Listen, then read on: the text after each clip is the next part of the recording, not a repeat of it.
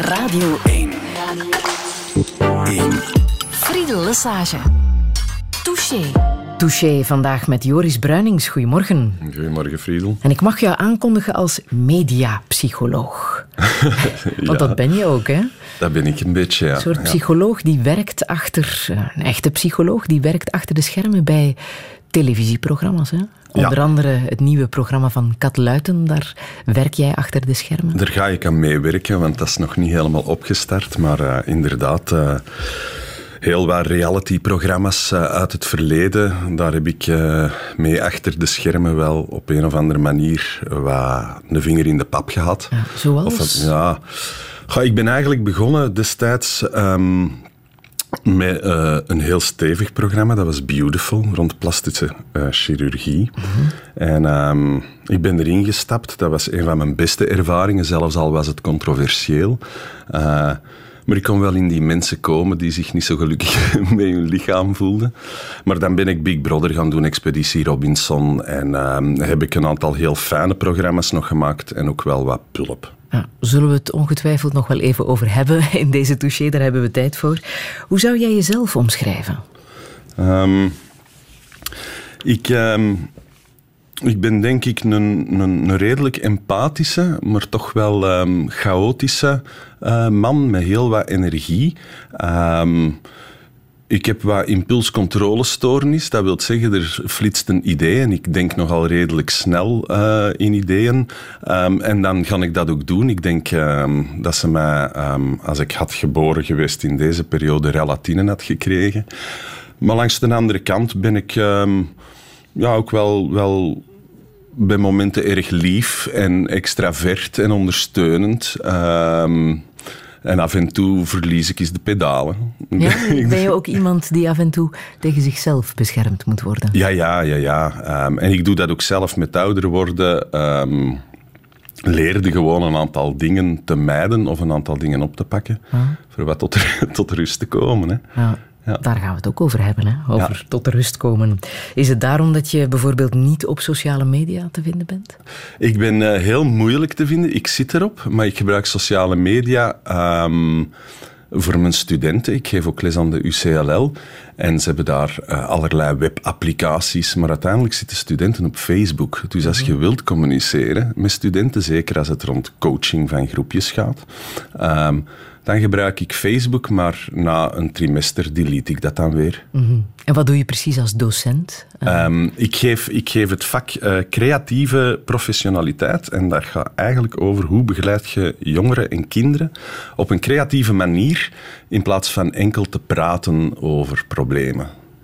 En daar valt ook veel over bij te leren. Dat is fantastisch. Ja. Ja. Joris Bruinings, blij dat je er bent. Welkom Dank in. Touché. Radio 1. 1. Friedel Lesage. Touché. I am what I am. I am my own special creation. So come take a look.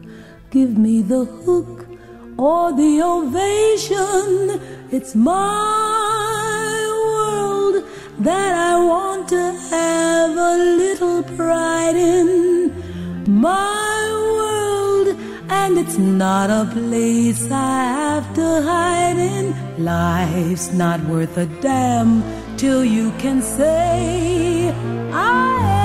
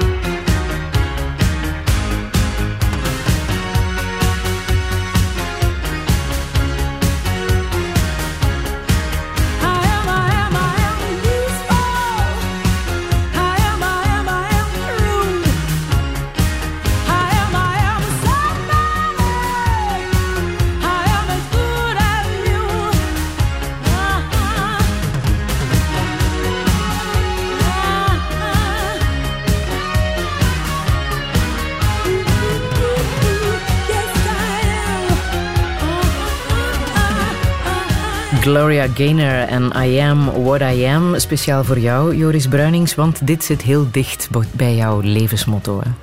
Ja. Hoe zou je dat omschrijven, jouw levensmotto?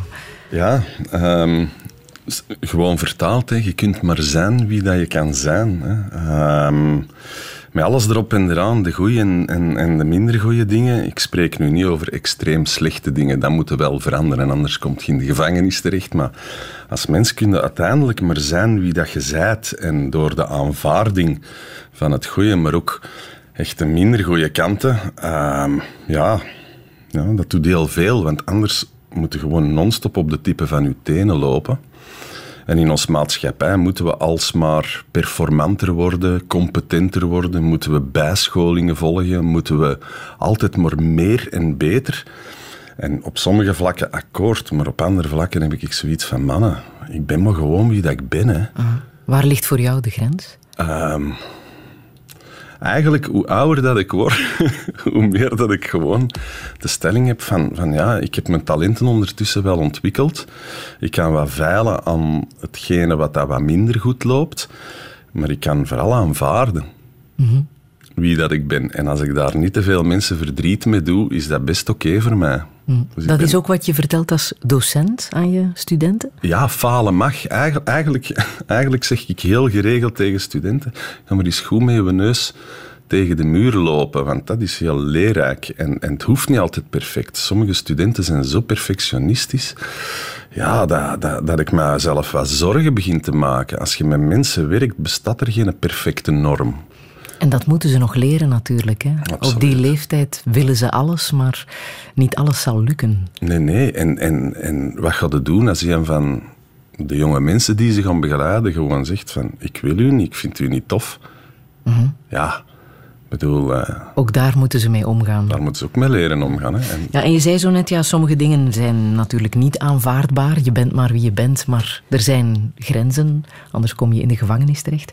Daar heb je natuurlijk ook ervaring op gedaan. Hè. Je hebt 15 jaar uh, voor VZW Antraciet gewerkt. En die zoeken naar creatieve activiteiten... Uh, ja, de Rode Antraciet, een, een geweldige VZW, is zo een van die kleine spelers die, die probeert, zowel op sportief vlak, cultureel vlak en ook op vormingsvlak of een beetje groepstherapeutisch vlak, um, input te geven in een gevangenis waar dat sowieso al weinig fun te mm. beleven is. En, en, en ja, dat is ongelooflijk belangrijk, want je werkt met mensen en die mensen komen later ook terug, terug buiten. Dus ik ben absoluut geen tegenstander van mensen uit de maatschappij een periode te pakken en te zeggen van wat dat je hebt gedaan, dat klopt niet. Dus ik ben zeker niet voor straffeloosheid, maar ik vind wel dat je in een gevangenis uh, een, een, even belangrijke taak hebt en die mensen goed moet begeleiden. Daar maken we nog altijd... Uh geen goede beurt? Een bijzonder slechte beurt. Hè? Allee, ja, ik bedoel, uh, ook de publieke opinie uh, merk ik van, wij, wij, denken in termen van straf. Hè? Uh, mm -hmm. Slaat ze op en gooi de sleutel weg. dan denk ik in mijn eigen van, ja, nou ja, dan gaan er veel mensen in de gevangenis wegrotten. Jij bent meer voorstander van het Scandinavisch model. Oh ja, Op welk vlak is dat beter? Ah, dat is... Ehm, daar, daar daar krijgen bijvoorbeeld cipiers of penitentiaire beambten, hè, um, krijgen die een opleiding van drie jaar, waar dat ook... Um, Wat bij ons niet zo is. Uh, nu op het moment, want dat verandert uh, elke minister, mm past dat wat aan, maar ik heb geweten van, een van geen opleiding tot een opleiding van drie weken tot een van drie maanden, zes maanden. Dan hebben ze een jaar geprobeerd en ik denk dat we nu terug op zes maanden zitten. Mm -hmm. Want daar durf ik mijn hand niet voor in het vuur steken. Maar het Scandinavisch model, daar hebben mensen echt een opleiding van drie jaar. Ja, en dan krijgt een gedetineerde ook iemand toegewezen. En dan wordt dat meer als een chef. Dus, dus cipiers worden in Vlaamse gevangenissen chef genoemd. En dat zegt in C al veel over de verhoudingen. Hè. Dus uh, ja, dan, dan zet je geen chef, maar dan zet je een begeleider. En ik denk van, ja, slaat stoute mensen op. Maar ja, begeleid die ook een stuk naar, naar, naar terug... Uh, terug een betere visie. Hè? Ja, om de detentieschade te beperken. Oké, ik, ik, ik, ben mensen tegengekomen die, die, uh, die niet meer buiten kunnen. Mm -hmm. ik, ik heb eh, zelfs mensen tegengekomen die weigeren buiten te komen. Ja, die al 25 jaar zijn opgesloten.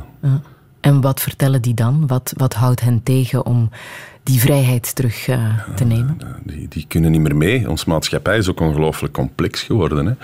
En de gevangenis voor sommige mensen is ook zeer duidelijk en zeer gestructureerd. En dat geeft voor sommige mensen ook ongelooflijk veel rust. Hè. Ik bedoel, dan opstaan, dan eten, dan dat, dan dat. Dat mag, dat mag niet. En buiten in de maatschappij is het allemaal zo uh, diffuus en, en ook heel verleidelijk. En in de gevangenis heb je niet zoveel verleidingen. Mm -hmm. Heb jij vrienden gemaakt in de gevangenis? Mm. Mm, vrienden, dat is een moeilijke, een, een, een, een moeilijke term. Hè? Ik zal zo zeggen, ik heb, ik heb het pad gekruist van sommige mensen die voor eeuwig in mijn hart, geest zullen blijven zitten. Of dat ik die daarna nog veel hoef tegen te komen, dat is, dat is misschien anders. Maar ik heb uh, mensen gehad die, die impact op mij hebben gehad, zowel ten goede als ten, mm ten, ten, negatieve. Maar uh, ik heb heel, heel straffe mensen tegengekomen in de gevangenis. Zoals? Ik heb, ik heb bijvoorbeeld... Mijn respect voor Marokkanen is eigenlijk in de gevangenis begonnen. Dat klinkt heel uh, contradictorisch, ja. Maar uh, ik heb bijzonder fijne Marokkaanse mannen tegengekomen. Echt zeer respectvol. Um, ja, echt uh, fantastisch. Of ik ben ooit, en dat, dat is iemand die ik nooit ga vergeten. Ik voel mezelf nog, nog wat dubbel. Ik mag die niet verheerlijken. Dus ik wil dat nu al even meegeven. Ik ga die niet verheerlijken. Maar dat was een man van een meter negentig. 120 kilo, één en al spier. Kaal geschoren. Een beer, een reus met ongelooflijk veel intelligentie, maar die, die, die maakt van iedereen brandhout binnen de vijf seconden. En uh, ja, daar, daar, daar heb ik, uh, denk ik, in totaal uh, twee cursussen van acht volledige dagen mee op pad gegaan. Wat houdt het dan in, zo'n cursus? Um, dat was een cursus slachtoffer in beeld. Dus dat heeft een beetje de bedoeling om um, gasten te doen stilstaan van wat heb ik hier nu eigenlijk teweeg gebracht. Uh, ik, ik heb iets gedaan, maar ik denk er verder niet bij na hoe een impact dat dat op anderen heeft. En um, het was zeer moeilijk om door te dringen bij die gast, want uh, hij had ook wel wat psychopathische trekken. Um, echt een, het, was, was echt een reus. Um, Iedereen had er ook schrik van. Ook de cipiers of de chef. Iedereen liep op de tippen van zijn tenen bij die gast. En op het einde van de rit heb ik echt kunnen zeggen van... Uh, echt letterlijk, gastjongen, ga moet eens terug wat beginnen voelen, want dat is het probleem. Maar zo letterlijk tegen... En, die, en, het was wel een Antwerpenaar, dus dat klikt altijd goed. Uh, en hij zei dat tegen me. Ja, Joris, dat is juist, jong. Maar ik er nog niet. En ja, dan, dan, dan heb je misschien zo dat één zaadje geplant. Ik ben er nog helemaal niet, maar dan heb je zo dat één zaadje geplant. En hoe komt dat? Omdat hij respect had voor mij. En hoe komt dat? Omdat ik respect had voor hem. Mm Ja, dat was wel Hollywood. Dat was de zware... Maar ja, ja, ik mag hem niet verheerlijken bij deze. Ja. Vorige week um, zat er uh, toch wel een heel bijzonder uh, bericht in het uh, nieuws dat ik even opnieuw aan jou wil laten horen. Een twintiger die vorig jaar veroordeeld is voor zedenfeiten, maar spoorloos was, blijkt al die tijd bij een jeugdtheater in Turnhout te hebben gewerkt. De man is gisteren opgepakt. De stad, die de man ook als vrijwilliger te werk stelde, werd niet op de hoogte gebracht van de veroordeling. De man werd veroordeeld tot vijf jaar cel. Hij sprokkelde online naaktfoto's en filmpjes van bijna veertig minderjarige jongens. Wat dacht je toen je dit nieuws hoorde? Ja, justitie, hè. Ik dacht maar dan niet. Justitie in België. Uh, ja, er is nog zeer veel werk aan de winkel, op heel mhm. wat vlakken. Maar geraakt hier ook wel een van mijn stokpaardjes aan. Um, ik heb zelf een cursus van, van ettelijke dagen, een soort groepstherapie, um, uitgewerkt voor pedoseksuelen. Dus ik heb jaren uh, ja, met die delicten gewerkt, met zedenplegers. Um, en ik ben daar toch wel tot de constatatie gekomen dat dat de groep mensen is die het meeste uit de boot valt in onze maatschappij. Waarom? Um, ja, die krijgen de stempel en die worden door, denk ik, 95% van de bevolking vergeruist. Hè. Ik mhm. bedoel, wat dat er gebeurt. En ik heb zelf vier kinderen, dus ik bedoel Dat kan niet en dat is vreselijk. En de sporen die die achterlaten, dat is erger dan eender welk delict. Maar langs de andere kant ehm, heb ik ook wel gezien, heb ik ook een stuk wel de mens en de kwetsbaarheid en, en, en, en de onkunde van die mensen gezien. Dat ik denk van, is de gevangenis hier wel altijd de beste oplossing? Uh, Welke onkunde uh, heb je dan bijvoorbeeld uh, in gedachten? Hoe zou je dat ah. omschrijven? Er zijn heel vaak ook ehm, sociaal zeer onvaardige uh, mensen, uh, soms ook um, wellicht mentaal gehandicapt, uh, onkundig. Um, soms merk ik ook wel, wel totaal foute obsessieve energie bij hen, bijna fetish mm. gewijs. Als het gaat over seksualiteit. Ja, ja dus, dus een, een, een misplaatste seksualiteit. Ik ben echt bijzonder blij dat ik die seksuele energie niet heb. Ik heb mij altijd, als ik cursus gaf, bedacht van... Je moet het maar hebben, hè. Mm Allee, ik bedoel, je moet maar vallen op jongens van acht jaar, op meisjes van veertien. Je moet, moet maar in je systeem zitten. Maar heeft dat ook te maken met het feit dat dat een moeilijk gesprek is, dat daar nog altijd taboe over bestaat om over seksualiteit te praten, waartoe je wordt aangetrokken, wat ja. hoort, wat niet hoort. Dus er is, er is in, in bepaalde landen hebben ze een pedolijn, dat is een telefoonlijn waar dat mensen, zoals een zelfmoordlijn, waar dat mensen er kunnen bellen om te voorkomen dat ze tot een daad overgaan. Um, dat is hier totaal taboe in België. Hè? Allee, ik bedoel, van, stel je voor dat ik dat zou voorstellen, dan, dan, uh, dan word ik al wurgend door het raam geworpen. Hè? Maar het zou toch zinvol kunnen zijn? Ah, absoluut. En, en net hetzelfde. Straft die mensen, controleert die mensen. Uh, zij streng voor die mensen, maar tegelijkertijd ja, um, moeten we ermee aan de slag. Hè? Mm Plus, we mogen ze ook niet allemaal over dezelfde kam scheren. Het zijn niet allemaal Dutroes. En ik wil ook hier weer die mensen niet vergoedelijken, want anders denk je, de luisteraars misschien wat voor is dat. Dat is helemaal niet de bedoeling, maar, maar ik heb daar ook eigenlijk brave huisvaders gezien die heel stoute dingen hebben gedaan. Hè? Daar niet van. Hè? Maar een mens is meer dan zijn delict. En dat is eigenlijk een stuk de boodschap die ik wil meegeven. En als je met een mens werkt en je stelt je een beetje open, ja, dan, dan, dan wordt het toch wel wat milder. En als je het dan hebt over die brave huisvaders, kan jij de vinger op de wonden leggen waar het vaak vandaan komt dat het de verkeerde kant uitgaat? Ze kunnen dat zelf ook heel, heel moeilijk. En dat is heel divers. Bij sommigen is dat echt uh, um, Je hebt, verschillende soorten pedoseksuelen. Je hebt, vier grote categorieën. En een van de categorieën waarover men het heeft, dat is dat bij sommigen de context zo bepalend is dat er een eenmalige fout plaatsvindt. En dat zie je vaak bij incest-situaties. Uh, dat, dat sommige mannen dat eenmalig doen en daarna niet meer. Um, wat dat natuurlijk absoluut fout is. Hè.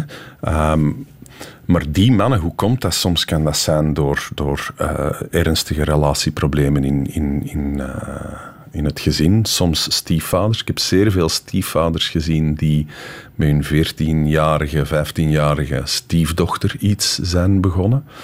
Um, omdat het in het tweede huwelijk ook niet goed lukte seksueel. En uh, middelengebruik zie je ook heel vaak. Dus alcohol mhm. is ook een factor die vaak meespeelt.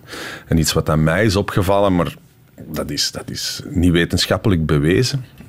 Dat is dat er toch ook wel wat uh, obsessie, ja, obsessieve manierismen is. Dat wil zeggen van, van die, die hebben uh, zo'n focus te vergelijken met iemand die bijvoorbeeld obsessief postzegels verzamelt en niet meer over de straat kan lopen zonder postzegels uit brievenbussen te gaan pakken. Zo, zo'n energie, iets, en, en als zich dat dan eikt op het seksuele, dan zijn die mensen helemaal verloren. Mm.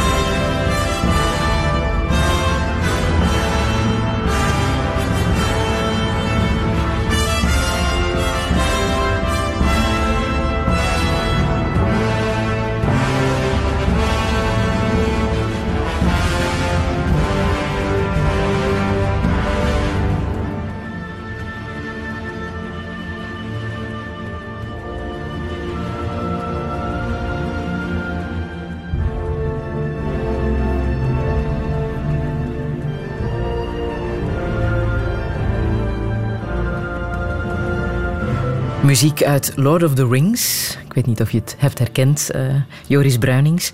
Uh, naar het boek van Tolkien, hè? Ja. Welke betekenis heeft uh, dat boek voor ja, jou? Ja, dat is strafsen, hè. Ja. ja? ja. Op mijn veertien... Um, ik was dus, dus de combinatie van nieuwsgierig, wat intelligentie en impulsief. Um, was ik buskruid aan het maken. Um, en ik buskruid? En ik verkocht dat dan op school in zo van die filmbusjes. Dat was 20 frank voor een busje, busje. Um, en dan in zo'n fietspompen steken en dat aansteken en dan naar de raketten. Dus eigenlijk onschuldig. Helemaal niet voor dingen op te blazen, eerder voor projectielen de lucht in te, te stuwen. En dan had ik iets anders gemaakt. Um, dat is helemaal mislukt. En dan, ben ik, uh, dan, dan heb ik een ontploffing meegemaakt. En... Uh, ja, dan ben ik in het ziekenhuis terechtgekomen. Uh, waar dat ik uh, twee maanden heb vertoefd, waarvan toch denk ik uh, zes, zeven weken volledig blind. Ehm, en eh, ik ben ook een hand verloren daardoor. Enfin, dat, was, dat was niet echt gelachen. Ehm, op dat moment maakte ik mij daar eigenlijk niet zo bijzonder veel zorgen rond, omdat ik ook fantastisch omringd was. En ik weet nog dat ons vader, die is toen naar de blindenbibliotheek gegaan. En uh, die heeft daar uh, Lord of the Rings, toch wel een stevige clipper, heeft hij uh, op cassette naar de kliniek gebracht. En ik heb heel die boek, of de drie boeken, dus beluisterd in mijn ziekenhuisbed als 14-jarige gast. Mm. Maar toch niet evident, evident om op die leeftijd zoiets mee te maken. Je bent puber, je bent net ja, aan het werken aan die identiteit. En net die identiteit, dat, dat mannetje wordt zo gekwetst. Wel, eigenlijk op mijn veertien heb ik daar eh, weinig last van gehad. Ja? Ik heb twee keren gehuild in, uh, in het ziekenhuis. Een keer omdat ik uh, niet meer kon surfen. Dat was dan niet meer in mijn ik kan niet meer windsurfen. En uh, een keer toen dat ik hoorde dat ik ook blind was langs de ene kant. Um, maar, maar zo goed omringd geweest en, en met mijn karakter dan. Ik fietste er wat door. En, en wat, wat, dat, wat dat wel is, is dat ik, als ik er achteraf op terugblik, dat ik een stevige puberteit heb gehad van mijn 15 tot mijn 17, 18 omdat ik, ja, ik was een meter 94, ik woog 68 kilo. Um, ik had één hand. Ik had uh, één, één oog, ook een kunstoog, dat een beetje uh, naar de verkeerde kant stond toen. Um, ik had een gigantische dikke bril, ze noemden uh, dat de omgekeerde steriliseren-bokaal, omdat Urbanus van Anus daar een grap over maakt. Ik heb die grap drie jaar meegedragen. Hè, bij deze bedankt, Urbanus. Um, en ja, dan op dat moment voelde je niet zo mooi. En ik was denk ik ook effectief objectief niet mooi. Het zat niet enkel in mijn hoofd dat ik niet mooi was. Ik stond vol met pukkels. Eh, ik was gehandicapt. Ik, was een magere hein. Dus heb ik heel veel beginnen compenseren. Um, wat dat heeft gemaakt dat ik ben wie dat ik nu ben. En die impact, als ik daar nu op terugblik, ja, um, dat heeft toch zijn sporen nagelaten. Um, ik voel me nog altijd niet zo zeer succesvol bij vrouwen bijvoorbeeld. Omdat ik zoiets heb van, ja, ik, ben, ik, heb, dat, ik heb dat niet gehad. Erg veel succes. Maar het is ook niet dat je daar echt, denk ik, mee bezig bent. Want je hebt bijvoorbeeld geen prothese. Hè? Je gebruikt geen prothese wat zou kunnen. Ja, Waarom doe je dat niet? Ik heb mijn prothese, denk ik, op mijn... op mijn twintig uh, in de kast gelegd. Ehm, omdat dat uiteindelijk ook maar esthetisch is en je zet daar niet en je kunt er wel iets mee vastpakken, maar dat is dood plastic. Iets. En, en, en ik, uh, ja, ik ben ook altijd aan het prullen met materialen en dingen maken en knutselen. En ik heb veel meer gevoel in mijn arm dan in zo'n prothese. Mm heb je een soort van toompijn nog uh, na al die tijd? Voel ja, nog? eigenlijk constant, maar uh, mijn hersenen uh, schakelen dat uit. Hè. Dus ja, pijn nee, spanning non-stop, maar pijn nee. nee. Hm. Um, ja, tegenwoordig staat de techniek voor niets. Hè. De wetenschap maakt ongelooflijke evolutie. Je ziet soms van die fascinerende beelden over bionische armen. Volg je dat zelf ook? Wat allemaal kan? Nee, en dat moet eigenlijk voor mij niet. Nee? Nee, ene keer dat je zoiets hebt aanvaard, moet het er ook niet. Het moet niet altijd beter en sneller friedel.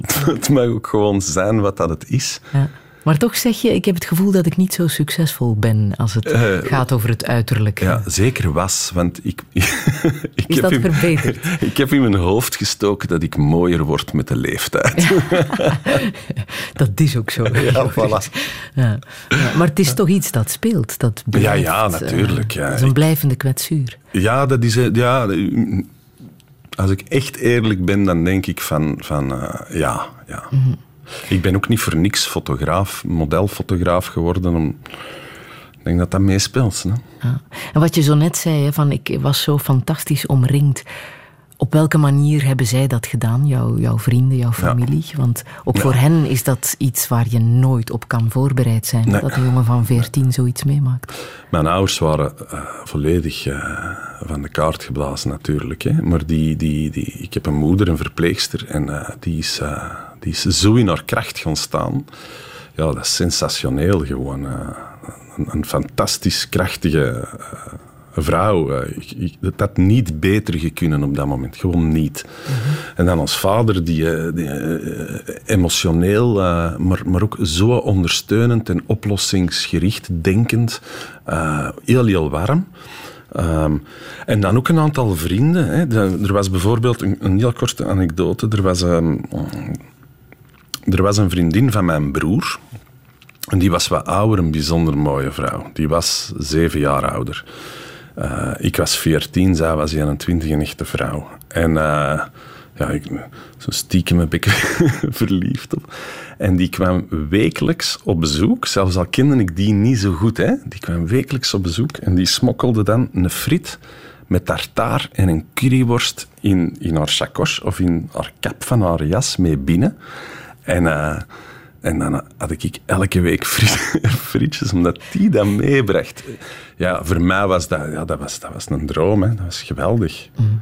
Voel jij je invalide? Nee, nee. Uh, ik heb eigenlijk met mijn, met, mijn, met mijn handicap maar één probleem. Dat is, ik heb op mijn 14 jaar een gigantische stommiteit begaan. En ik draag daar nu nog geregeld de gevolgen van in die mate. Vier jaar geleden reed ik naar mijn werk en ineens kwam er een zwart gordijn voor het enige oog dat ik heb. En wat bleek, doordat mijn accident er al aan mijn enige oog gewerkt was, is mijn netvlies losgekomen. En dat was nog het resultaat van dat accident toen ik 14 was. Mm -hmm. Of ik schub een, een, een betonnen vloer uh, leeg in zo zes, zeven containers, wat dat tof is, handenarbeid, dat is tof. Maar omdat ik maar één hand heb, zet ik mijn lichaam verkeerd en dan schiet er ineens iets in mijn nek en dan heb ik een nekhernia. Eigenlijk omdat ik het werk maar met één hand kan doen. Mm -hmm. En dat is gewoon... Dat is een beetje jammer, dat je niet kunt zeggen dat was toen, zand erover. We gaan ervoor. Nee, ik moet, ik moet daar toch nog altijd wat rekening mee houden.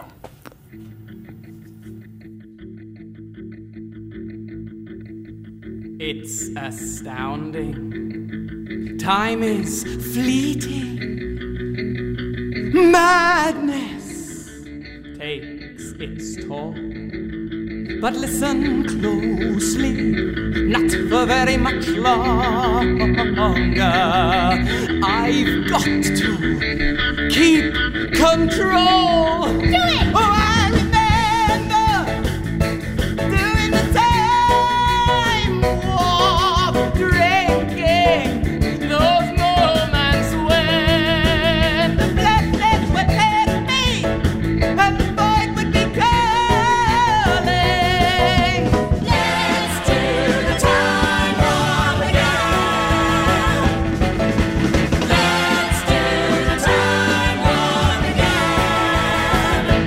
a jump to the left.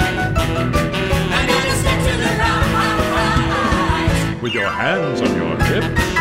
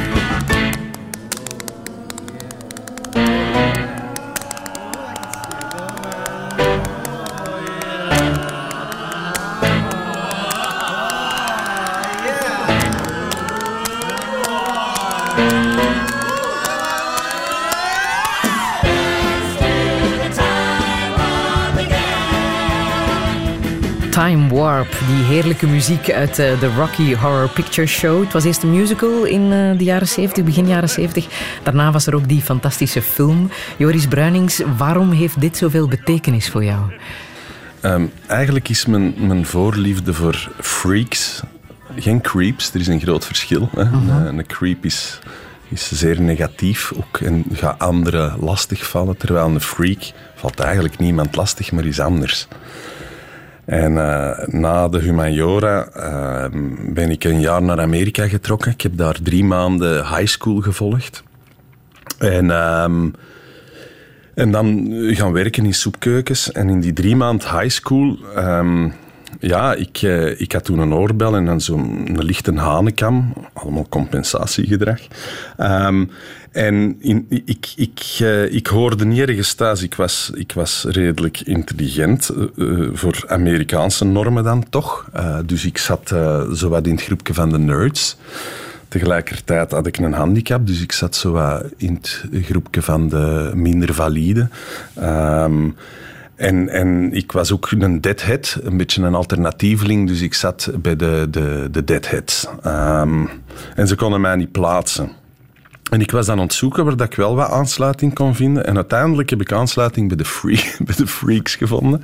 En die gingen elke week, uh, elk weekend, gingen die naar de Rocky Horror Picture Show zien. elk weekend. En ik heb die film op een jaar tijd elf keren gezien. En dat is een film. En ze spelen in de zaal eigenlijk de film na. Iedereen speelt hem na. Dus dit is een liedje dat ze eigenlijk een, een, een dans aanleren. It's just to jump to the left. Just to jump to the right. Ja, en dan staat iedereen er mee te dansen. Ja, en dat zijn eigenlijk freaks die dat doen. En... Uh, ja, dat heeft een, een, fantastische impact op mij gehad. Maar hoe confronterend was het voor jou om te merken dat je je het beste thuis voelde bij de freaks? Ja, ja. Uh, ja, ook weer confronterend, want, want je komt, ik, ik was er dan door, uh, door mijn moeilijke puberteit uh, mm -hmm. in Vlaanderen. En ik had een vriendin en mijn zelfvertrouwen was gegroeid en ja. En ik kwam in Amerika aan en in Amerika is alles echt in, in, in kottekes. Je hebt de cheerleaders, je hebt de jocks, je hebt, je hebt de die, je hebt de die. En, en dat is wat zoeken. Maar tegelijkertijd ben ik daar ook naar een oogspecialist gegaan en uh, de omgekeerde steriliseerbokaal, die een kilo woog en die uw neus misvormde, bij wijze van spreken. Um, ik heb die daar opzij mogen leggen en die heeft voor mij een contactlens gefixt.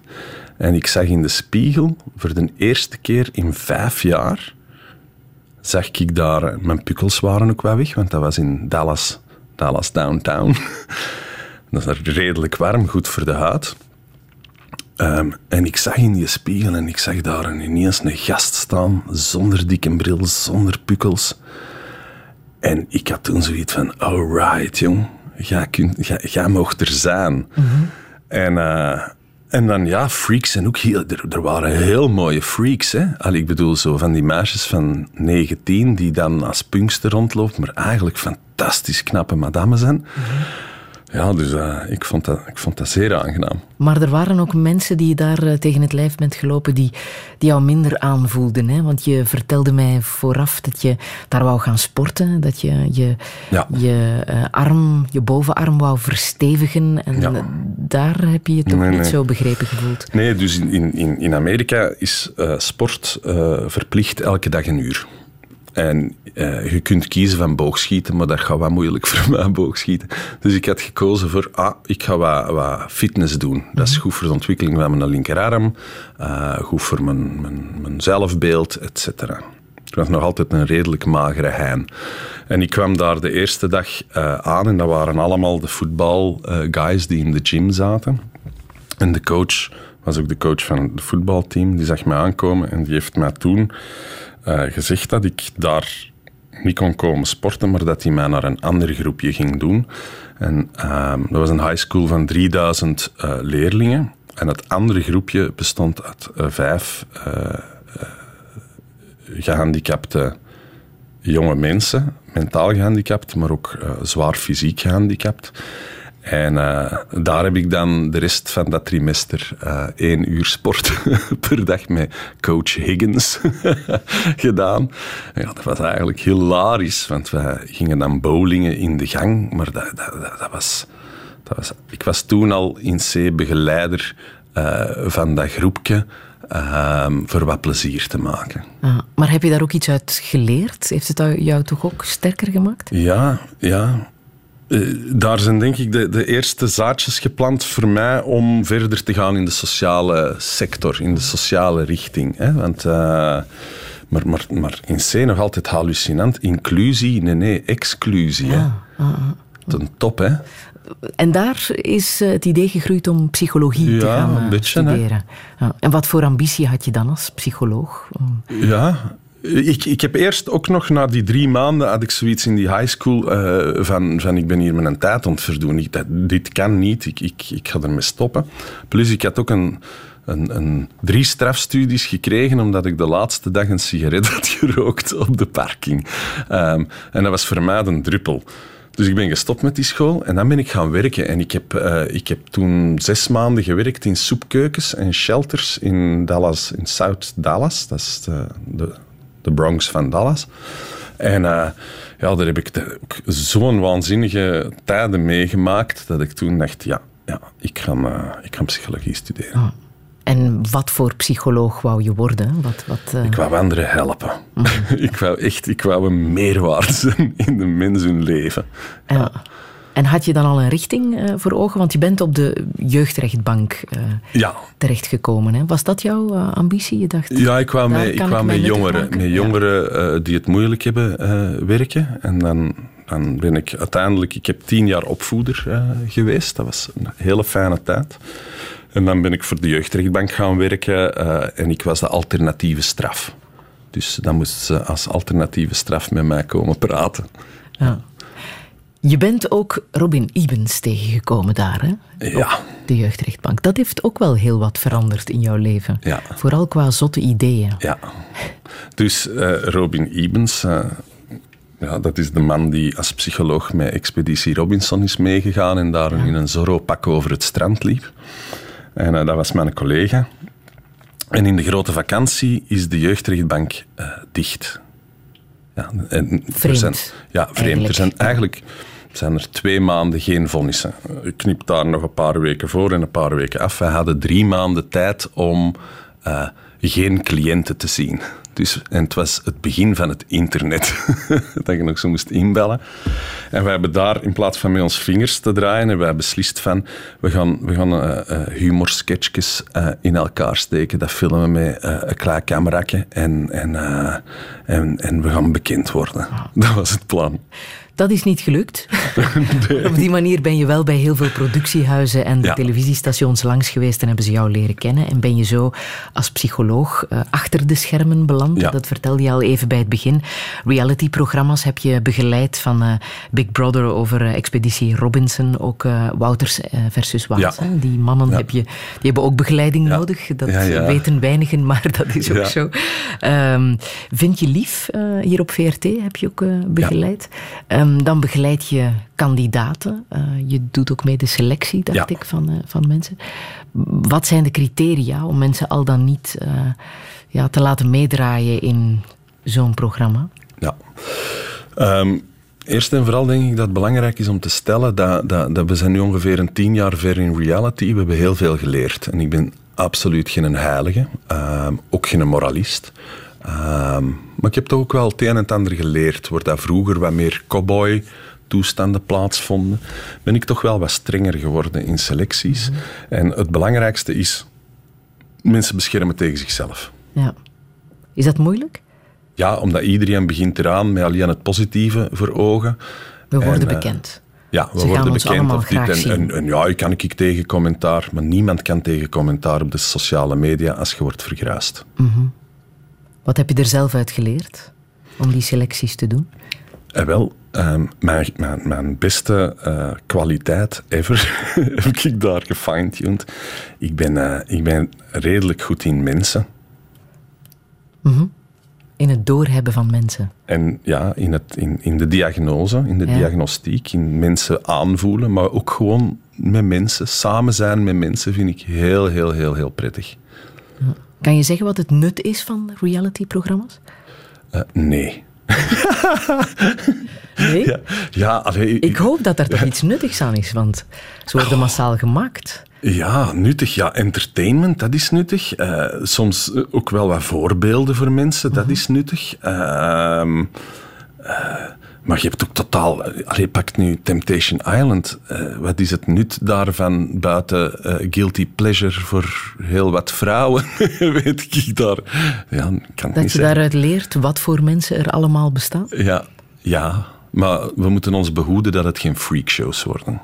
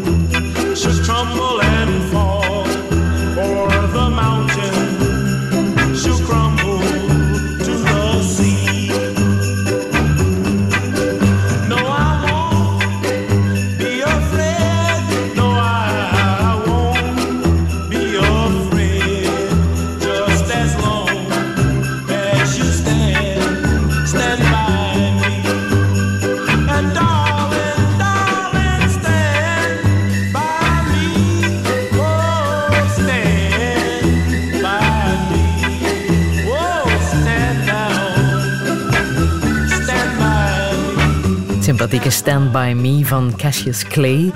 Um, ondertussen drie maanden geleden uh, overleden. Um, boksen, uh, Joris Bruinings, dat doe jij ook, hè? Ik deed dat. Maar... Ja, ben je ermee gestopt? ja, ja, eigenlijk heel jammer, maar het was echt door de, de nekhernia. Ah. Uh, maar dat is een van de meest fantastische ervaringen uit mijn leven. Ik ben daar ook heel en waarom? Kan je zeggen waarom? Ik had nog nooit gevochten in mijn leven. Nog nooit. Ik had nooit een slag gegeven of gekregen. En ik was eigenlijk zeer angstig als het rond geweld en agressie mhm. ging. En een aantal van mijn vrienden konden daar beter mee om. En als je uitgaat, je komt toch af en toe in spannende situaties terecht. En ik bevroor altijd als, het, als, als er iets met geweld of kloppen uh, te maken had. En um, op een bepaald moment had ik gezegd van nee, ik ben geen beunhaas meer. Uh, ik ga dat oppakken. En ik heb daar geleerd om voor de eerste keer in mijn leven te incasseren en ook voor iemand een, echt een lel te geven. En dat, dat is het strafste dat ik ooit heb gedaan voor mijn eigen waarde. Mm. En wat ook kan met één hand. Ja, je mocht mij niet in de ring zetten uh, twee keren achter elkaar, want ik heb maar een, een, een beperkt arsenaal trucken. Ja. Maar als je mij niet kent en je kent mijn trucken niet, dan uh, is de kans nog altijd reëel, zelfs al ben ik gestopt, dat je, dat, dat, dat je wel uh, een klop krijgt. Ja.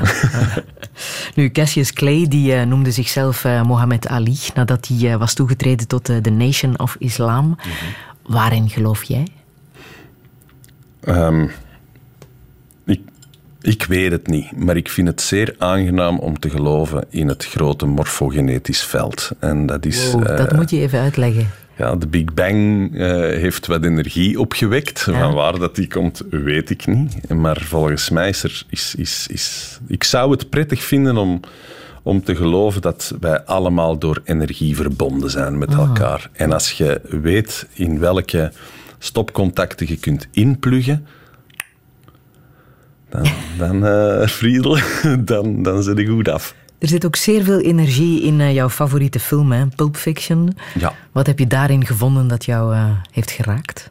Ja, dat, ik, ik zag die en ik werd meegesleept van A tot Z. Dat was in het Frans la folie totaal. En ik denk dan, dan je moet ook bijna een obsessieve gek zijn voor zo'n film te kunnen maken. En als je dan effectief Quentin Tarantino ziet, dan kan je alleen maar concluderen dat dat, dat, dat, dat, dat een beetje een gek is, hè.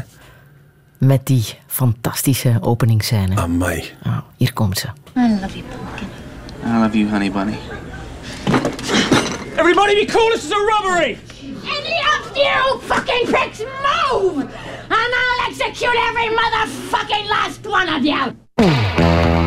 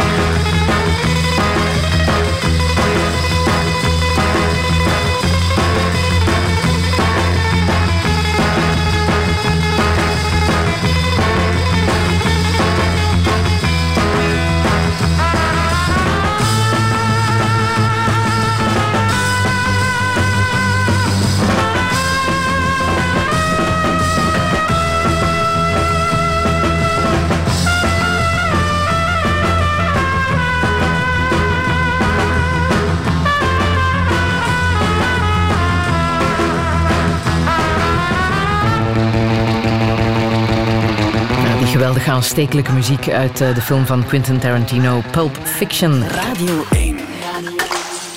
1. Friedel Lesage. Touché. Touché met mediapsycholoog Joris Bruinings. Op zijn veertiende veranderde zijn leven drastisch nadat hij het slachtoffer werd van zijn eigen gemaakte explosieven. Zijn armprothese draagt hij al lang niet meer, daar zit geen gevoel in. Gevoel, empathie is nu net zijn strijdmiddel. Toen hij 18 was, trok hij naar Amerika en daar kreeg zijn karakter vorm en koos hij ervoor om psychologie te studeren. Vooral kruispuntmensen intrigeren hem, krachtige mensen met een grote kwetsbaarheid. Zo drong hij binnen, figuurlijk dan, bij een van de meest ruige kerels in de gevangenis. Voluit leven, rust vinden en zijn zelfbeeld versterken, dat is zijn ambitie. Maar hoe ziet de toekomst eruit en die van zijn kinderen? Dit is Touché met Joris Bruinings. You ever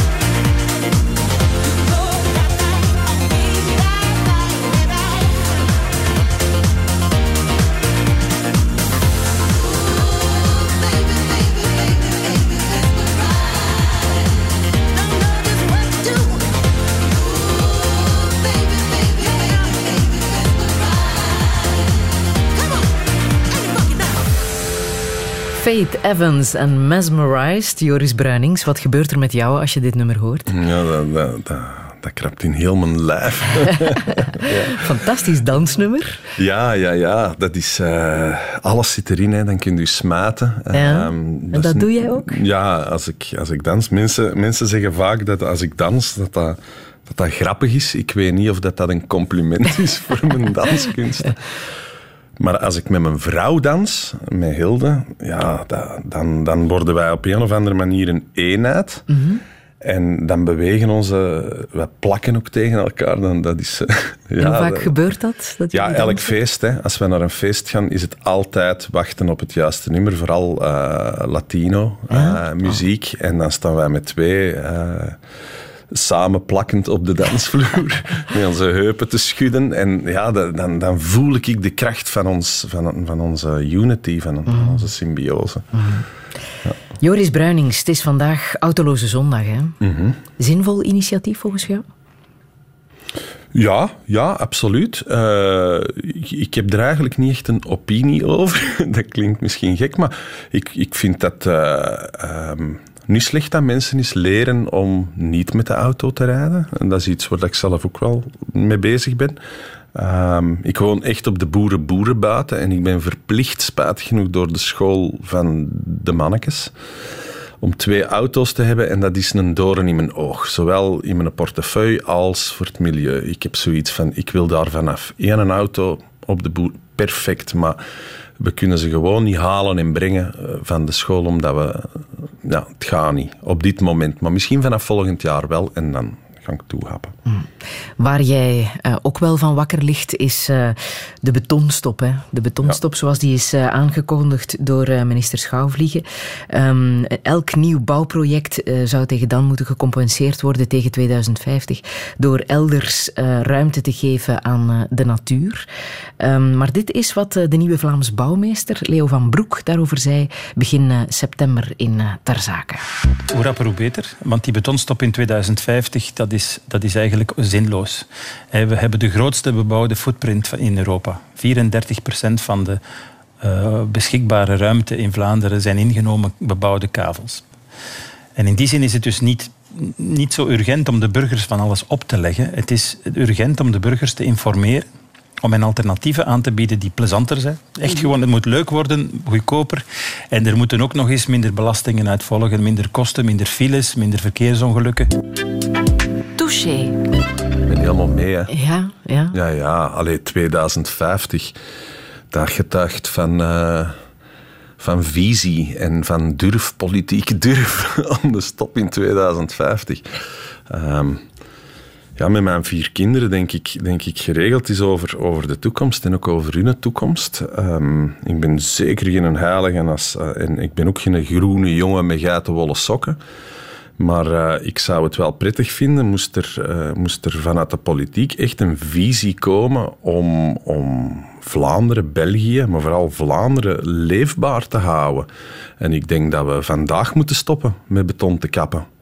En op welke manier zou jij Vlaanderen leefbaarder willen maken? Wat is jouw idee daarover?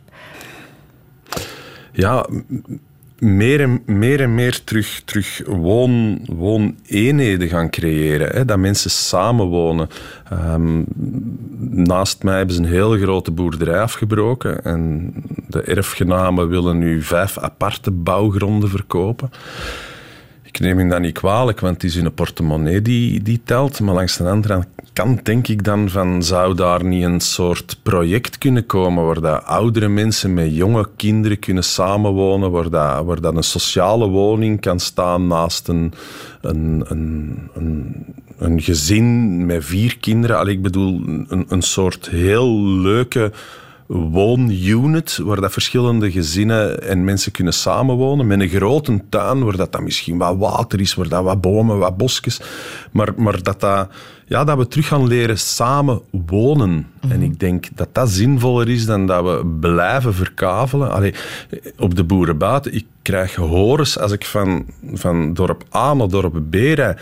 Je ziet niet meer waar dat dorp A stopt en dorp B begint, puur door de lintbebouwing. Wij, wij, wij willen allemaal een fantastisch uitzicht in onze hof. Maar ja, dat gaat dan ten koste van toffe dorpjes.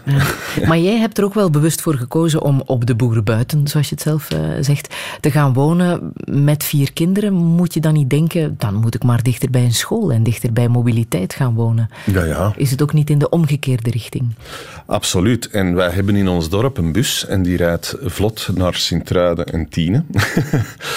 en vanaf dat ze dus naar middelbaar gingen, eh, zijn ze allemaal met de bus gegaan. Maar, maar hoe dom dat dat ook klinkt, als de, de, de dorpsschool vijf kilometer is, dan moet er wel iemand zijn die die kinderen gaat brengen en halen. En gelijk dat ik zeg, ik ben geen heilige. Er vallen nog alternatieven te verzinnen, et cetera. Ehm, maar, maar ja... Hoe zou jij eh, jouw ecologische footprint eh, omschrijven? Eh, Oh. Hoe goed of hoe slecht doe je het op andere vlakken als we even de auto buiten beschouwing laten? Ehm, ik denk relatief goed. Ja?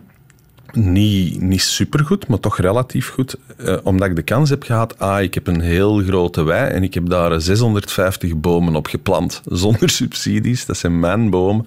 Dat is mijn manier. Dat is ook omdat ik minder gras wou afdoen.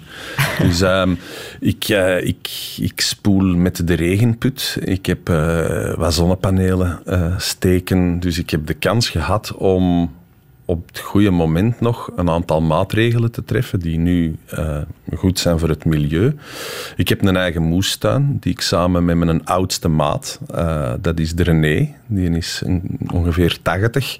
En dat is een oude boer. En wij doen de moestuin samen. En de René een pak meer als ik. Maar wij, ik heb mijn eigen tomatjes, mijn, mijn eigen paprika's, patatjes. Dus dat zit ook goed. Ehm, ik heb kippen. Eh, dus ik, heb, ik produceer zeer weinig afval. En ik ben allergisch, vooral mijn vrouw is allergisch aan plastic. Dus wij vragen nergens een plastieke zakje. En dan kijken ze u raar aan, ook in het frituur. Eh, mijn dochters vinden het er net over voor mij eh, een kookpot naar frituur te stappen. Dus het blijven nog papieren puntzakken. Ja, ja. Dat is nogthans heel mooi hè, met de kookpot naar, Ah, Ik zou frituur. liever willen als met de kookpot naar frituur stappen. Fantastisch. Ehm, vegetarisch, eh, Ehm, gaat het ook zo ver? Geprobeerd. Ehm, weinig eh, succes geoogst binnen het gezin. Maar wij zijn geen grote vleeseters. Eh, ik eet één keer per jaar biefstek. Dat valt mee. hè? Ja, en ik eet soms gehakt en een bikkie burger. Het is jou vergeven.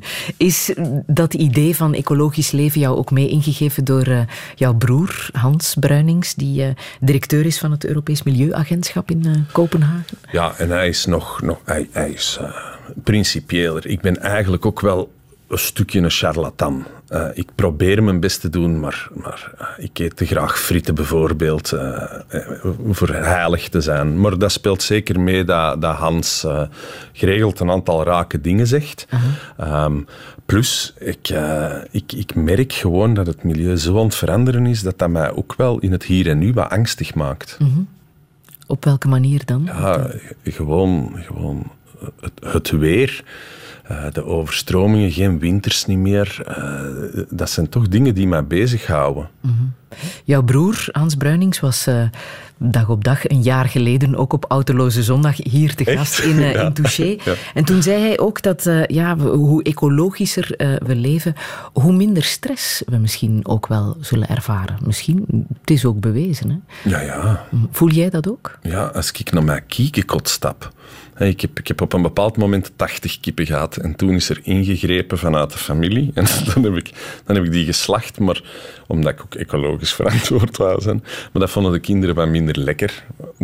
En nu heb ik iets van, een, denk ik, 30 kippen. Maar als ik naar de kippen stap, dat is fantastisch. Hè? Ik bedoel, je zit er helemaal uit en je bent maar met één ding bezig. Dat is de kippen wat opruimen, wat korrelsmaten, uh, wat tomatjes, de dievekes wegpitsen. Allee, je bent met dat, dat is mindfulness avant la lettre. Ja, zonder dat je er moet voor betalen. Ja. Hey there, people, I'm Bobby Brown. They say I'm the cutest boy in town. My car is fast, my teeth are shiny. I tell all the girls they can kiss my hiney. Here I am at a famous school. I'm dressing sharp and I'm acting cool. I got a cheerleader here wants to help with my paper. Let her do all the work and maybe later I'll rape her. Oh God, I am the American dream. I do not think I'm too extreme, and I'm a handsome son of a bitch. I'm gonna get a good job and be real rich. Get a good, get a good, get a good, get a good. Women's liberation came creeping all across the nation. I tell you people, I was not ready when I fucked this dyke by the name of Freddie.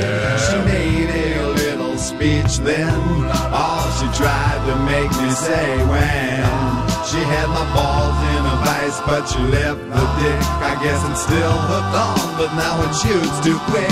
Oh God, I the American dream, but now I smell like Vaseline, and I'm a miserable son of a bitch.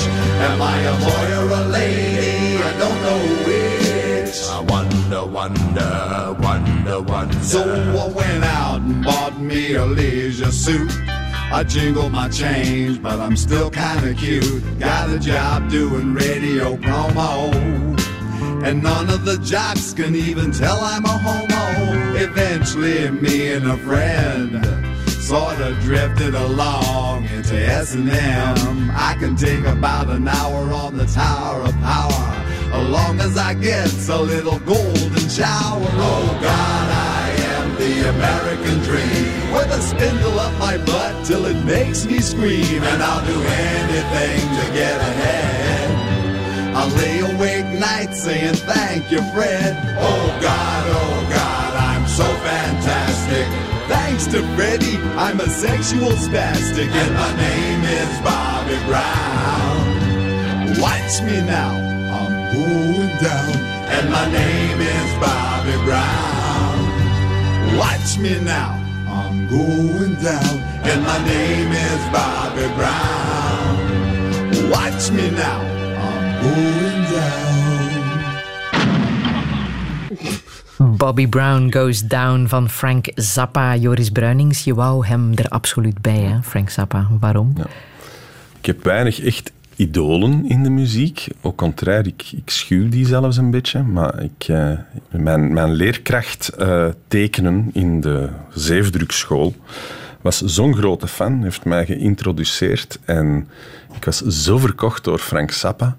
Ehm, een speciaal figuur, muzikaal geniaal. Niet evident om mee samen te werken, denk ik. Maar die zei wat dat hij wou zeggen. Mhm. En dat vind ik altijd wel knap aan mensen. Herken Zelfs al doet het van- pijn. Ja, herken je daar iets van jezelf in? Ja, ik ben, iets, ik ben denk ik iets ehm, beter opgevoed. In die mate Vlaams beter opgevoed. Van, ik heb geleerd om beleefd te zijn en om, om toch, toch eh, flink te zijn. Wat dat soms goed is. Maar als het in mijn systeem schiet, dan kan ik ook eh, bij momenten toch wel scherp uit de hoek komen. Dat mag ook. Nee? Je kunt maar zijn wie dat je bent, hè, Friedel. Voilà. Ah. Tekenen zeg je, zeefdruk, maar het is vooral de fotografie hè, die jou op dit moment het meeste bezighoudt. Wat heb je daarin gevonden dat, eh, ja, dat, dat je zo kan smaken? Ja, dat komt door onze, ons vader. Die eh, was ook met fotografie bezig. Ik heb eh, mijn eerste camera van hem gekregen. En ik ben beginnen trekken. En ik ben portretten beginnen trekken. En dat is eh, een uit uit de hand gelopen hobby geworden. En ik ben nu zo ja, wat portretfotograaf. En ik trek vooral zo wat specialere mensen. Ehm, er zijn ook een aantal mensen die ik al 15 jaar volg. eh, twee keer per jaar. En wat bedoel je met specialere mensen? Ja, ik hou, ik hou wel van... eh, hier kom ik weer, ik val in herhaling. Maar ik hou wel van de mensen die niet zo de, de doorsnee schoonheid hebben. Ehm, omdat iedereen mooi is. En soms is het ook leuk om iemand schoon, of een objectief mooi iemand, lelijk te portretteren. Zo wat ruwer, wat... wat ik denk dat ik nogal ehm, psychoanalytisch geïnspireerd eh, foto's trek. Zijnde zo de, de, de donkere kant van de mens, zo de onbewuste driften, eh, het, het, het ruwe, het ruige, het zwarte, het eh, soms ook wel vettige in de mens. Dat probeer ik vast te leggen. Ja. En je zegt dat je bepaalde mensen eh, echt volgt. Ja. Ik heb, Met welke bedoeling? eh, dat is spontaan ontstaan. Ik heb, eh, ik heb Hille, mijn vrouw, daar heb ik foto's van echt portretfotografie, geen vakantiekiekjes. Ik denk nu al 15 jaar. En ik heb ook een, een, een zeer goede vriendin, een vroegere collega, die ik al 15 jaar volg. En zo zie je mensen van jonge dame. Ja. En toen is het begonnen evolueren, nu naar begin vijftigers. Ja. En dat is geweldig om dat te zien. Hè? Dat is eh, zeer, zeer mooi. Heb je je vader ooit ge- geportretteerd? Ik heb eh, mijn vader ooit getrokken, ja. ja. ja. Eén keer. Ehm, ik heb mijn vader verschillende keren getrokken, maar de krachtigste foto die ik van mijn vader heb getrokken ehm, was twee dagen voordat hij gestorven was. Ja. Met een gsm. En hij kon niet meer stappen, eh, mits ondersteuning. Hij was dus eh, stervende. En ik liep met, mijn, met moeder ehm, naar de gang en daar stond een hele grote spiegel. En ik zag ons met drie staan en ik trok, ik trok mijn gsm boven voor een foto in de spiegel te trekken. Zeer, zeer donker, zeer slechte kwaliteit, maar zo authentiek. En ons moeder zei van, doe dat niet. En ons vader, hij kon niet meer babbelen, maar die, die, die knikte en die pakte mijn arm vast en die zei, DM. En ik heb die foto getrokken. Amai, straf. Hoe komt het dat hij niet meer kon praten? Ja, die... die ehm, ik denk, die is gestorven aan... ehm, aan eh, dementie, ehm, vasculaire dementie, dus heel veel hersenbloedingetjes. En naarmate dat dat meer en meer werd door de jaren, begon hij ook minder te kunnen. En ik denk dat hij op een of andere manier naar het einde toe een, ongelooflijk intelligente type. Die dat altijd eh, gemaskeerd. Eh, Je kon, dat niet, je kon dat niet pakken, want die compenseerde met zijn intelligentie op zo'n manier. Ik had dat veel te laat door, eigenlijk. Ehm, eh, zelfs naar het einde toe had ik dat te laat door. Niet te laat, had ik dat laat door. Ehm, en ja, ik denk dat hij heeft beslist op het einde van ik stop met eten en drinken. Onbewust, ja. Ik denk dat echt. Dat hij voelde van, het zit erop. En die is eigenlijk fantastisch eh, mooi eh, kunnen, kunnen vertrekken. Wanneer ja, waren de eerste symptomen dat het duidelijk was, dit is dementie? Voor mij heel laat. Hè. Hoe gek dat dat... Je zei blind. Ik was, ik was een stuk blind. Achteraf kun je wel zeggen van ja, toen. Maar hij heeft een periode niet meer kunnen slikken. Omdat die functie uitgevallen was. En eigenlijk was dat echt eh, het begin. eh, Ja, dat dat minder ging, ja. Als we naar jou kijken, stel dat jij je hand terug zou kunnen krijgen. Zou je dat willen? Nee. Mijn hand, nee, niet echt. Je oog? Ja, direct. Dat ja, ja, ja, ja, ja. Mijn oog zou ik, dat zou ik prettig vinden, ja. En waarom? Waarom is jouw oog belangrijker? Ehm, omdat, omdat ik heb maar één goed oog en dat is ook een klein beetje geabimeerd. En ja, het zou toch prettig zijn moest een reserve hebben voor als er ooit iets gebeurt. Ja. Ja. Je mm, vindt het belangrijk om te werken. Hè? Je bent ook wel heel druk bezig. Maar je vindt het even belangrijk om vrije tijd te hebben. Hè? Ja. Waar heeft dat mee te maken? Ehm, dat is, ik, ik, ik leef al tegen 200 per uur en ik heb geleerd dat ik eh, af en toe tegen 10 per uur moet leven eh, om dat te compenseren, omdat ik anders eh, van binnenuit ga opbranden. En daar ben ik nog niet van plan, dus ik, ik, ik heb geleerd om het rustig aan te doen met perioden en op andere perioden zeer, zeer intensief te werken. En hoe doe je dat dan concreet? Het, het rustig aandoen? Hoe, hoe organiseer je je dan? Ik heb het woord taffelen ervoor. Taffelen. Taffelen. Dat is? Ja, gewoon wat rondtaffelen. Ja. Wat in huis rondtaffelen, is naar de kiekens taffelen, is, is eh, de computer open doen, eh, daar wat, wat, wat surfen, eh, wat koken. Gewoon taffelen. Eigenlijk een hele dag niks doen en van alles doen. Leven zonder plan. Leven zonder plan, ja. Ah. En als mensen dan vragen wat heb je gedaan vandaag, dat je, dat, dat je het echt niet kunt zeggen, maar dat je toch zegt, ja, mijn dag was goed gevuld. Ah, En dat heeft voor alle duidelijkheid ook niks met een invaliditeitsuitkering te maken. Hè? Je, je, je Nee, nee. werkt, en dat heb je Nee. destijds ook bewust beslist. Ik ga werken. Dat Dat had daar niks mee te maken. Ik eh, heb de dag dat ik ben beginnen werken, heb ik ook eh, de invaliditeitsuitkering ehm, eh, ja, stopgezet. Wat dat, wat dat in mijn ogen redelijk logisch is. Ik hoef dat niet als ik centen verdien. Eh, ik zou het nog prettiger vinden, moest dat geld dan gaan naar mensen die het echt nodig hebben. Maar ik heb wel zoiets van, als, als, als je... Het is geen smartgeld. Hè. Eh, ik hoef ook geen smartgeld. eh. ik hoef eigenlijk geen geld op dat niveau. Want ik kan, ik kan mijn mannetje staan. Veel belangrijker is tijd. Ja, ja. En die maak je zelf.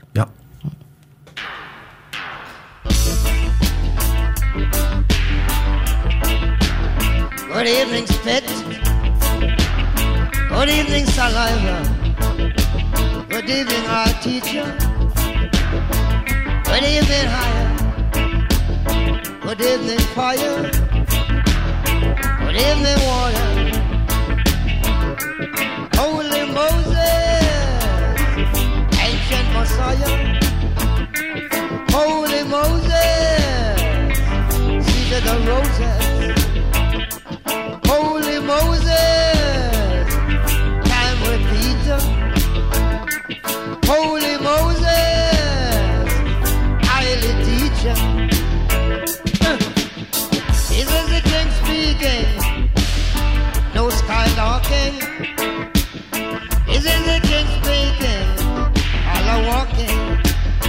Hi, miracle hearted stone, Holy Moses. Miracle hearted stone, I am Jaja. Holy Moses, time repeat. Holy Moses, words and honor. Holy Bible, the book wide open.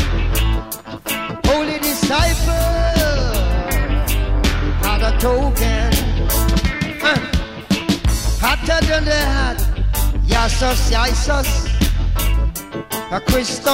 hotter than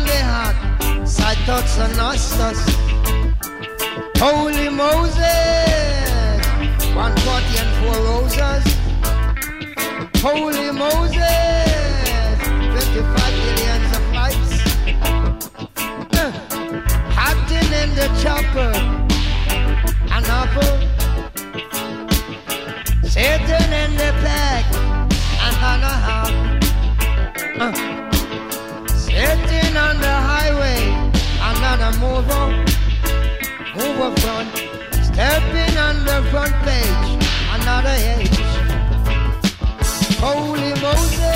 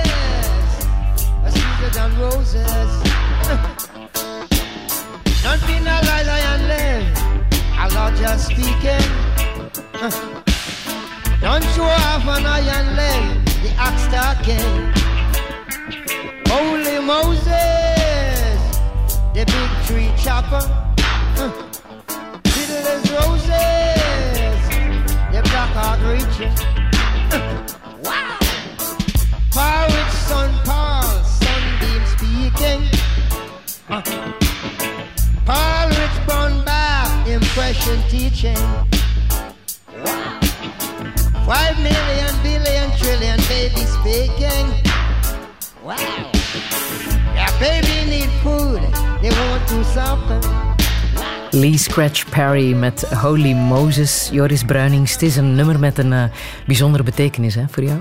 Ja, het was met een openingsdans. Eh, niet evident om op te dansen, merkte Nee, ik achteraf. nee, nee. Maar ja, zo'n zo'n charismatisch figuur, eh, zo onbekend destijds. en, en ik kende hem ook niet toen dat er iemand zei van je moet toch eens een keer naar de, naar de Lee Perry luisteren. En dan die cd gekocht en dat nummer en dat schoot weer onmiddellijk in mijn lijf. Ja, en wat moeten we over hem weten, over Lee Perry? Ja, dat dat een bijzonder klein, gek mannetje is die geniaal is. En fantastische muziek maakt. Ja, ja. ja, ja. Eh, openingsdans van jullie trouw. En het is wel duidelijk, jouw vrouw heeft een heel bijzondere betekenis in Ja. jouw leven. Hè? Nou ja. Kan je omschrijven waarom zij het is geworden? Ehm, eerste dag psychologie naar de vakbar, de shrink noemde dat. En ik zat daar en ik zag daar een bijzonder klein ros meisje binnenstappen. Ik zag ernaar en ik heb toen gezegd van ja. ja. Ja, een, ja, een, een koet voederen. Ehm, ik kan mijn vrouw ook, ook in één woord omschrijven. Ik vind als je je partner in één woord kunt omschrijven, één archetypisch woord, één krachtwoord, één, één, je, moet, je moet dat zelf maar eens proberen, Friedel. Zo van, in één woord, dat is het nu. Dan weet je dat dat is, hè. En wat is het woord dat bij jouw vrouw hoort? Engel. Engel. Ja. Ah, mooi. Ja. En samen voeden jullie vier kinderen op, hè? Ja. Altijd een groot gezin gewild? Eh, zeer bewust kinderloos gebleven tot mijn 334. Mijn vrouw eh, is ook seksuologe en heeft haar thesis zelfs eh, geschreven. Bewust kinderloze koppels. Waar? Ja, ja. ja, want wij vonden kinderen in C een beetje vervelend eh, en wij wouden vooral op reis gaan. Veel van de wereld zien en dan waren kinderen erg vervelend en stonden dat in de weg. En in eh, Barcelona, in het Gouda-park, zaten wij eh, en we zagen daar twee kleine rosse meisjes spelen voor ons. En diezelfde dag hebben we beslist, wij willen ook kinderen. Ehm, maar dat lukte niet en wij wouden ook niet in vitro doen. Dus hebben we twee dochters eh, geadopteerd in de tijd dat dat nog relatief mogelijk was. Ehm, dat is zeer snel gegaan ook. Ehm, twee zusjes uit Ecuador, Jessica en Rocio. Ja, eh, geweldig. eh, eh, ja, dat was magie. Nog altijd is dat magie. Hoe oud zijn ze nu? Ze gaan 19 en 17 worden. hè. grote Eh, meiden al. Ja, ja, het zijn echte dames geworden. Hè. Ehm, en dan, dan na tien jaar bleek Hilde plots zwanger te zijn eh, van onze wolf. Ehm, ja, dat, dat overvalt u, is geweldig ook natuurlijk. Eh, en dan hebben we eh, het gevoel gehad van, van, kijk, we wonen hier toch redelijk ruim op de boerenbuiten en er is nog plaats in ons gezin voor nog een vierde kindje. En dat is dan Jarne geworden en dat is onze pleegzoon. Ja. Komt dat uit jouw periode bij de jeugdrechtbank? Dat je daar het gevoel had, zoveel kinderen die een warme thuis missen. Ik zal er een plek voor maken. Ja, dat zou kunnen, maar misschien wat onbewust. Want op die vlakken eh, beslissen wij nogal redelijk impulsief. Volgen wij alle twee ons hart. Van, van hé, hey, dat zou tof zijn. Vind je dat ook? Ja, ja. Ah ja, dat zou tof zijn. En dan doen we dat. En marcheert het goed tussen de vier? ja, met zijn ups en natuurlijk. Maar eh, het marcheert fantastisch. Eh, de twee mannetjes zijn af en toe druk en hangen de clown uit. En de twee dames eh, zitten nog af en toe in hun puberteit en blazen en zuchten. Maar als iedereen bij ons thuis in zijn element is, dan zijn wij een levende reclame voor Bertolli. Dan moeten bij ons aan tafel komen zitten en dan denkt je echt dat je... Dan zijn wij de familie Bertolli. Ja. Maar toch denk ik dat je regels moet hebben. Hè? En dat er ja. heel veel eh, aandacht moet besteed worden aan normen en waarden. Om, Ja. om het gezin een, een, eh, één te houden. Ja. Hoe doen jullie dat? We hebben één belangrijke regel en dat is respect eh, voor elkaar. Voor de rest is er zeer veel vrijheid en zouden wij iets gestructureerder mogen zijn. Ja. En we beslissen dat geregeld om wat meer structuur te bieden. Ja. Eh, klopt het dat jullie ook wilden emigreren? Wanneer was dat dan? Dat je Ja. echt naar het buitenland wou gaan wonen? Ja, ja, ja. Wij hebben ehm, acht jaar geleden hadden we ons huis verkocht en we gingen, vermits dat mijn twee dochters echte Latina's zijn, zijn indigenas van eh, Ecuador, dus echte eh, Indiaanse meiden. Ehm, grote affiniteit met eh, Centraal- en, en, en Zuid-Amerika waren ook met hen eh, een van de meest fantastische reizen. Drie maanden door Nicaragua, Costa Rica en Panama getrokken. Alle deuren gingen open omdat daar twee Latinakjes van toen waren ze denk ik zes en vier met rugzakjes en wij met onze rugzakken. We hebben heel Nicaragua doorgeliefd. Wij moesten nooit een bus pakken. Iedereen pakte ons mee. Ehm, en dan hadden we zoiets van, hoe fantastisch is deze? Hier gaan we komen wonen. Huis verkocht, naar daar gegaan met een baby van zes maanden, onze wolf. Ehm, en daar hebben wij gemerkt dat ehm, dat toch niet zo evident is. En na, na drie maanden hadden we zoiets van, het zit niet 100% juist, dus we gaan dat niet doen. En dan zijn we teruggekomen ehm, naar België. En hebben we dus eh, ja, geprobeerd een huis te kopen of te zoeken waar dat je een beetje een vakantiegevoel hebt als je ertoe komt. Maar was het ook de factor, ja, heimwee is misschien een raar woord, maar toch de band met familie en vrienden? Die... Ja, we hebben dat onderschat, omdat iets definitief was. Onze wolf had, had gigantische reflux. We hebben geen enkele maaltijd zonder huilen eh, doorgebracht toen. Een van ons liep al schuddend rond in eh, Nicaragua en Panama met, met onze wolf toen. Een, een tweede trip was dat. En toen hadden we zoiets van... We hebben, we hebben gewoon die warme omkadering van, van familie nodig voor ons te helpen, te steunen. Eh, we komen terug. Nog altijd hè, is dat heel erg belangrijk, hè? De, de band met, met jouw familie en met, met jouw vrienden. Ja, ja, ik probeer, ik probeer zelf van mijn gezin een beetje een kluwe gezin te maken. Zijn de heel dicht bij elkaar, heel warm, met toch voldoende vrijheid, maar zo... zo als je een bras hebt, dat je dat onmiddellijk kunt bijleggen. Dat, je, dat, dat, dat er een fond van, van onvoorwaardelijke liefde is. Mhm. Ook voor jouw vrienden. Ik heb een aantal vrienden onvoorwaardelijk, ja. Ah, en hoe, hoe doe je dat? Zo'n vriendschap in de hand houden? Ehm, ik heb... eh, ja, je ziet elkaar op zeer geregelde basis. Niet meer gelijk vroeger dat je elke week moet afspreken, maar eh, er kunnen wel eens wat weken overgaan. En waar dat ik ontzettend van hou, dat zijn soireekes doen aan een kampvuur. Eh, Ik heb een hele grote vuurput, eh, korf. En ik heb daar zo treinbilzen rondgezet alsof dat het Stonehenge is. En, en daar met vrienden rond het vuur avonden doorbrengen. En praten? veel praten, eh, veel genieten, ehm, filosoferen. Ook eens een keer, eh, ja, soms eens over een tristesse kunnen babbelen, over, over plezier. Veel lachen, ja, dat is het voor mij.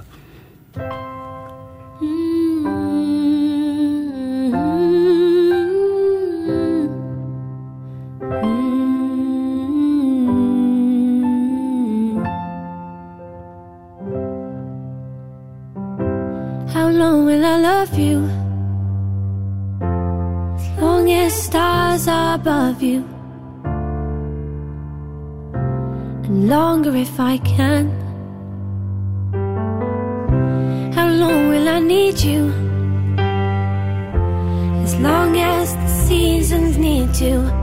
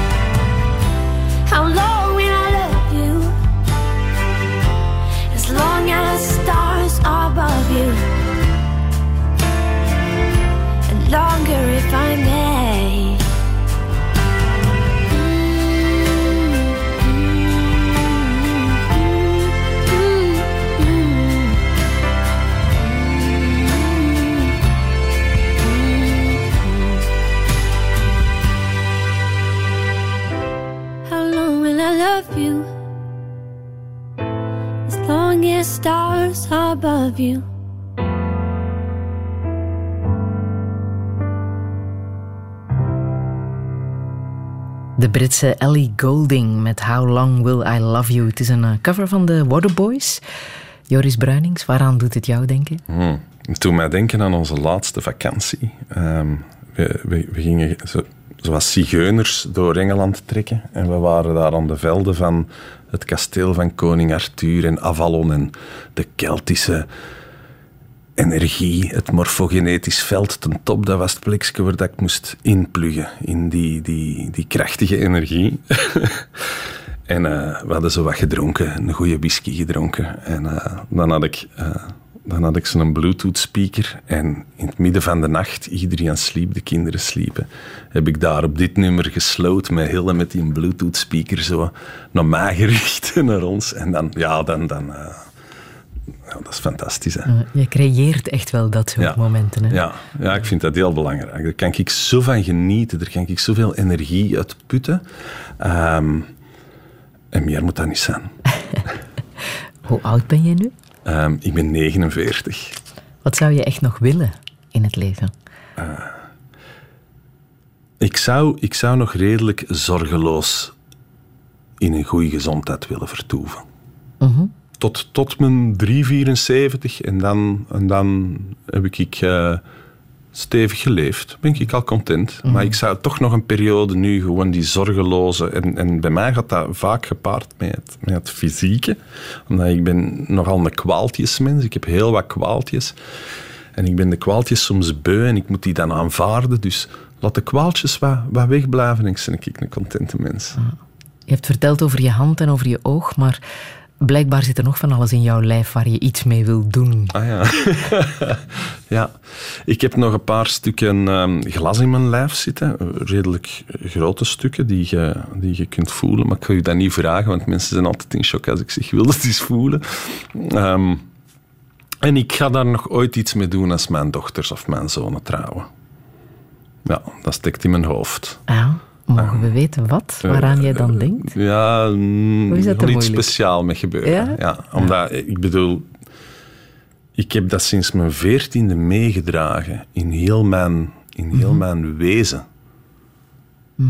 Hoe graaf is dat voor dat te kunnen weggeven op een bepaald moment? Zoveel mensen kunnen dat niet zeggen. natuurlijk. Nee, maar die hebben dan twee handen. Hè. Ja. Ja. Welke boodschap zou jij hier nog willen meegeven?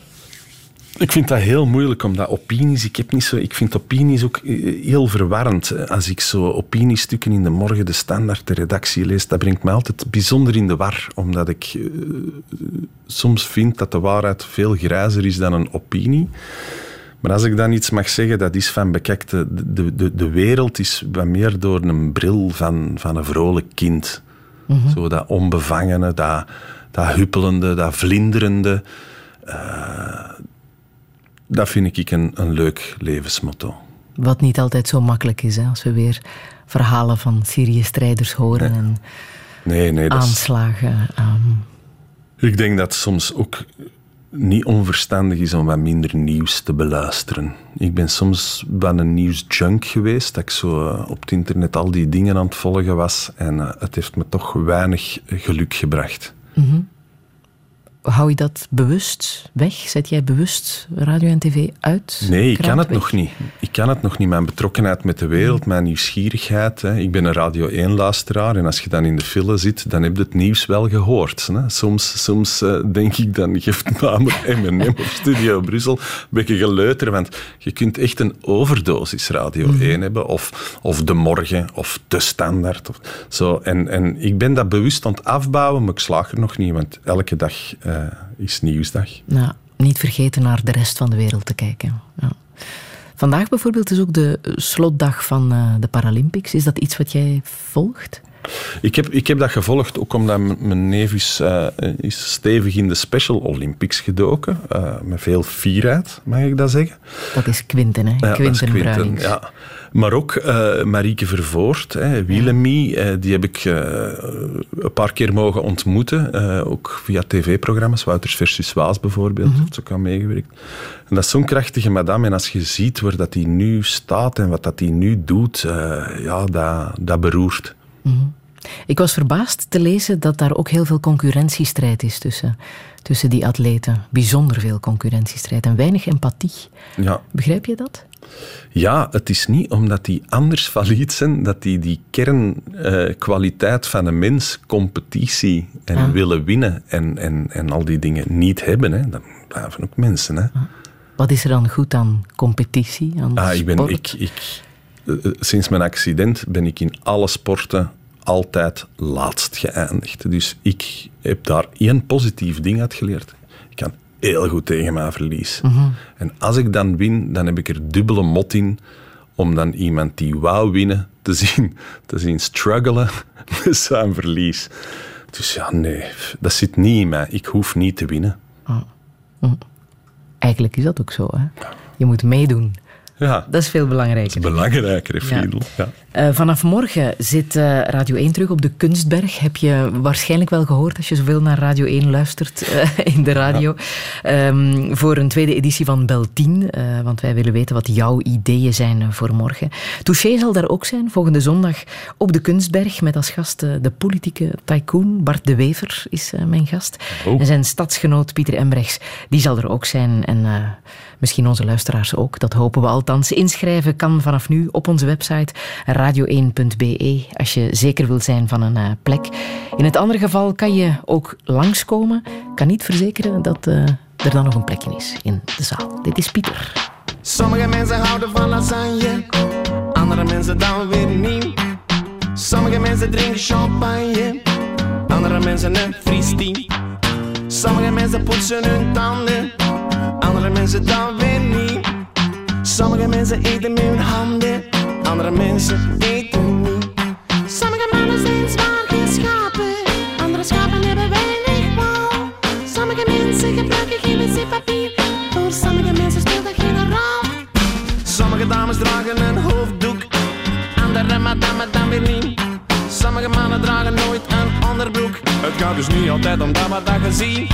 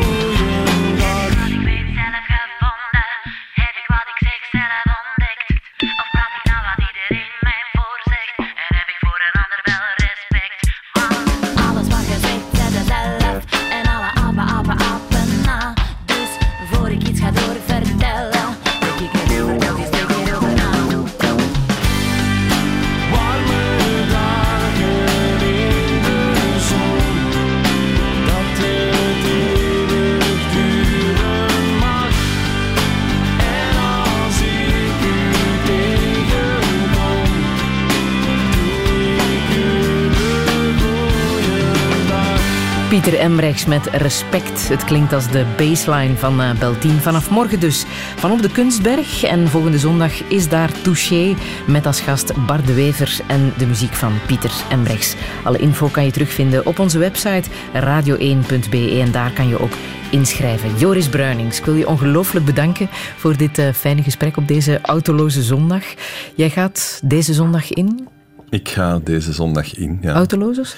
Ik rij naar huis, spijtig genoeg. En dan ga ik, dan ga ik Helemaal autoloos. Ja. Geniet ervan. Herbeluister Touché via de podcast Radio Plus en radio1.be. Radio 1. Altijd benieuwd.